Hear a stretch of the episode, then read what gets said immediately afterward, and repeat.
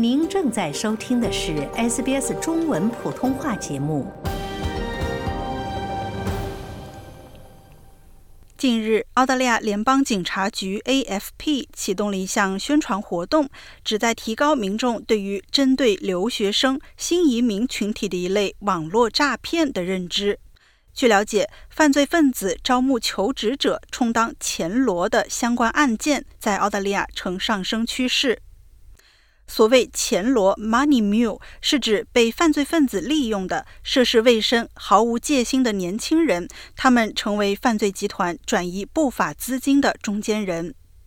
AFP 高级警司林警官对 SBS 普通话表示，由于语言障碍、对澳大利亚法律了解有限等等原因，留学生、新移民更容易成为犯罪分子的钱罗。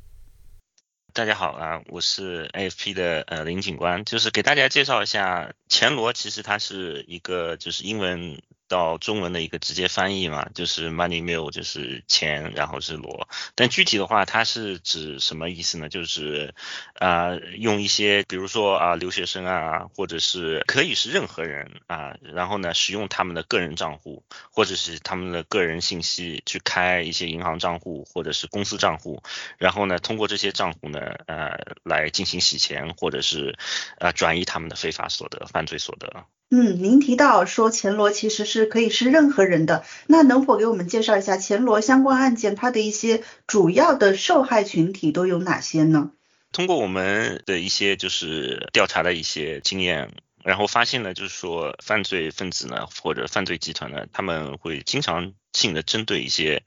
呃，比如说是呃留学生啊，呃，然后是呃新移民啊，因为这方面可能有几个原因。首先呢，是说针对留学生是呢，是为什么？因为首先他们可能有一些留学生啊，他们刚来澳大利亚，他们可能对澳大利亚的这个司法系统和法律并不是太熟悉。然后呢，就是说他们就是利用这样一个他们对这个呃法律不熟悉的情况下来，呃，更容易的说服这些留学生去参与这个非法的活动。然后还有一种呢，就是呃，有些是因为留学生，是因为他们可能呃没有什么钱，或者是经济上有有一些就是说紧，所以说呢，他们就是通过啊一些打广告，嗯，就说是赚快钱，然后呢，呃，你又不用什么呃太多的这个复杂的工作。啊，就可以赚到很快的钱，然后又可以做兼职啊，这样一个心态，就是利用他们也比较容易让他们参与到这个活动中。还有针对呃留学生的原因，可能就是说是他们呃刚来澳洲，可能认识的人也不是很多，可能身边没有朋友亲戚的这些呃建议啊或者帮助啊啊，所以说他们可能就是容易呃。被他们诱导，然后参与到这样的一些活动当中。近年来，打击洗钱犯罪成为澳大利亚联邦警察局的工作重点之一。去年，网络犯罪联合警务协调中心针对洗钱犯罪展开了大型调查，包括突袭了长江换汇的威克姆行动和欧洲警察组织领导的欧洲打击钱罗九号行动。在威克姆行动中，六名中国公民因涉嫌参与为有组织犯罪集团洗钱活动而被逮捕，其中包括两名在澳大利亚留学的十八岁中国公民。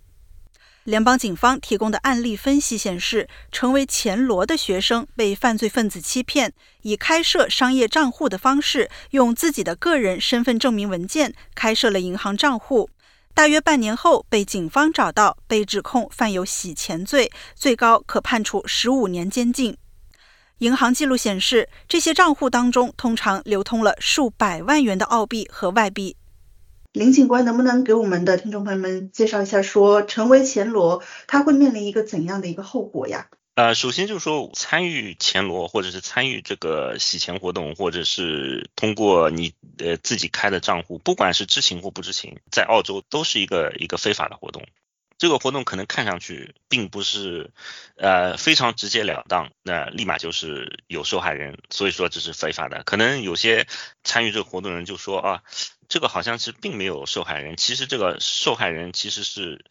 他们的资金。通过就是比如说网络诈骗的受害人，他们的资金很多都是通过暹罗这个他们的账户，然后吸到海外去，或者然后那些就是诈骗犯通过这个方式来获得他们的诈骗所得。这并不是一个就是说没有受害者的一个活动，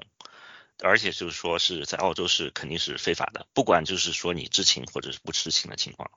嗯，那我们刚才聊到了前罗背后的犯罪分子，他们主要的一个目标群体哈，以及参与钱罗活动的一些潜在后果。那接下来能否请林警官您分享一下，我们如何去识别潜在的钱罗犯罪分子和犯罪活动呢？最重要的，首先第一点就是说，呃，做任何事情之前，就是说先不要太冲动、太急，先想一想，想一想，就是说这个事情是不是正确的，或者是这个事情。啊，是不是听上去太好了？不要就是说急于冲动，一下子就去做这个事情，对不对？然后可以问问别人的身边人的建议，呃，这个是非常重要的。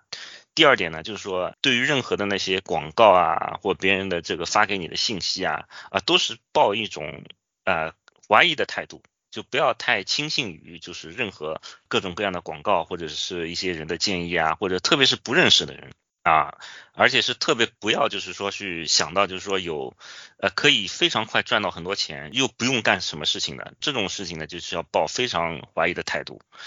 嗯，还有呢，当你就是说找工作，当然了，留学生很多也是需要去找那个兼职工作嘛，对不对？但是找工作的时候呢，就要自己做一做，就是说网上的一些研究，看这个公司啊，到底是不是正规的公司啊，是不是有注册的地址。或者是是有呃网上的网址，但是很多网址的话，它也可以通过就是说一些虚假的网址，所以说留学生找兼职工作的时候呢，就是也要特别呃小心。嗯，还有一点就是说啊，如果是有网上你不认识的人给你发呃任何的工作机会或者是一些广告，就说啊你一下子给你很多钱，然后你什么都不用做，然后呢说啊只要一个电脑，只要个手机，你就可以干这个工作。不需要任何的培训和技能啊，这就是一些非常值得注意。看到这种信息的时候或者广告的时候，就要提高自己的防范意识了。嗯，就是那种看似天上掉馅儿饼的这种机会，其实它可能背后有潜在的很大的危险。对，就可能是一个陷阱。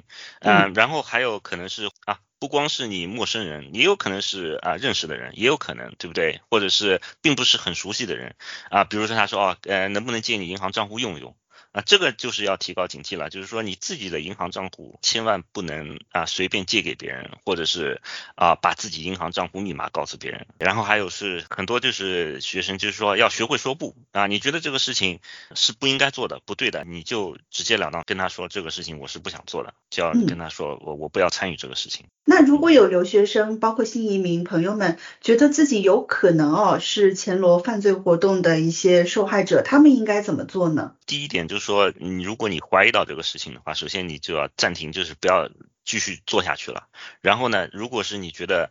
这个是一个非法的活动，首先呢，啊，你可以到我们的一个网站，就是呃澳洲执法部门协调的一个网站，是网络犯罪的一个网站，就是 www.cyber.gov.au。这这是一个网站地址，可以呃报告任何网络犯罪有关或者是利用网络进行的犯罪活动，都可以通过这个呃网站进行举报。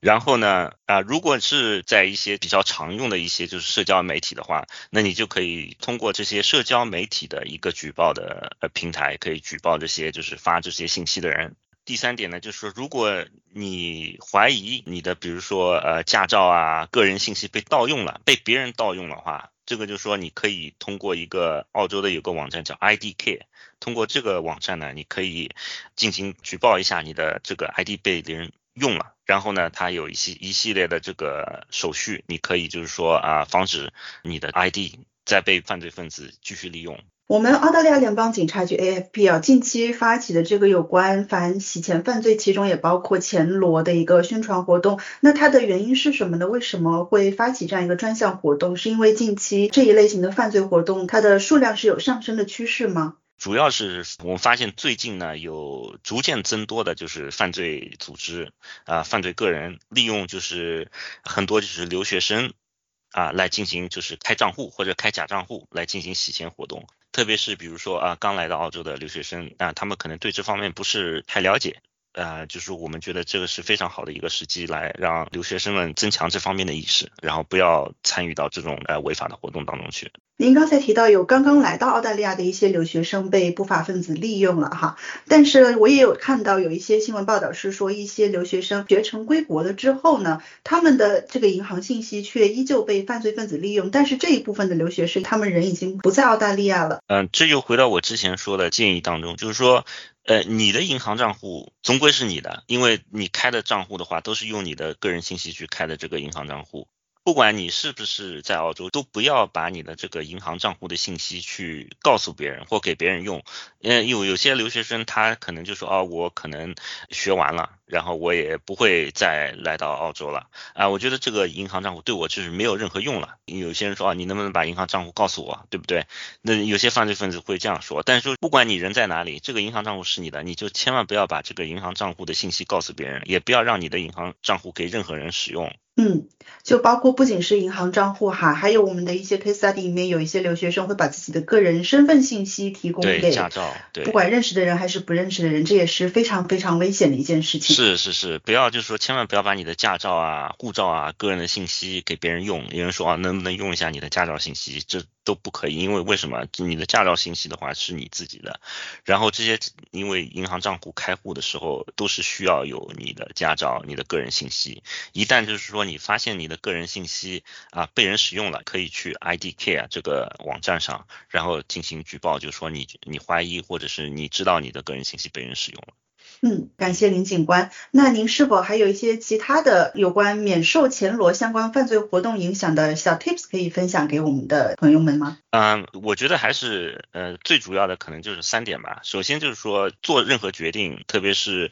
呃重要的决定呢，都不要冲动，就是说先想一想，或者是跟自己家人讨论一下。身边的人讨论一下，可以信得过的人讨论一下。然后第二点呢，就是说你的个人信息、个人账户，不管谁问要使用都不可以，不要借给别人使用你的这个银行账户和个人信息。第三点呢，天下掉馅饼的事情，呃，这个事情一般都是比较危险的，没有说是啊不干活就能拿钱的这种事情。所以说，对于这种事情呢，一定要提高警惕。澳新银行复杂调查高级经理马克布鲁姆对 sbs 表示追踪洗钱资金的来源非常困难犯罪分子也知道这一点。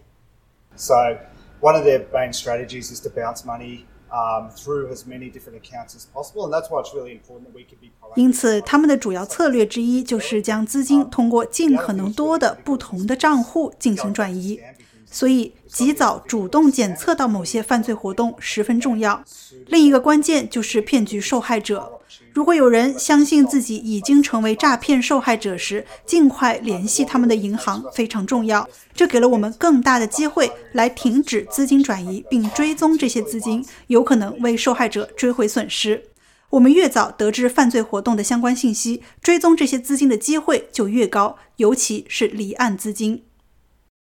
怀疑自己成为网络犯罪的受害人，可以到执法部门协调网站 Report Cyber 网址 cyber.gov.au/slash/report 进行在线举报。若怀疑自己的个人身份文件被盗用，可向联邦政府资助的免费服务 ID Care 寻求帮助。ID Care 与身份盗用受害者合作，制定具体的应对计划，并提供支持。更多信息可致电幺三零零 ID Care，也就是幺三零零四三二二七三，或访问网站 www.idcare.org。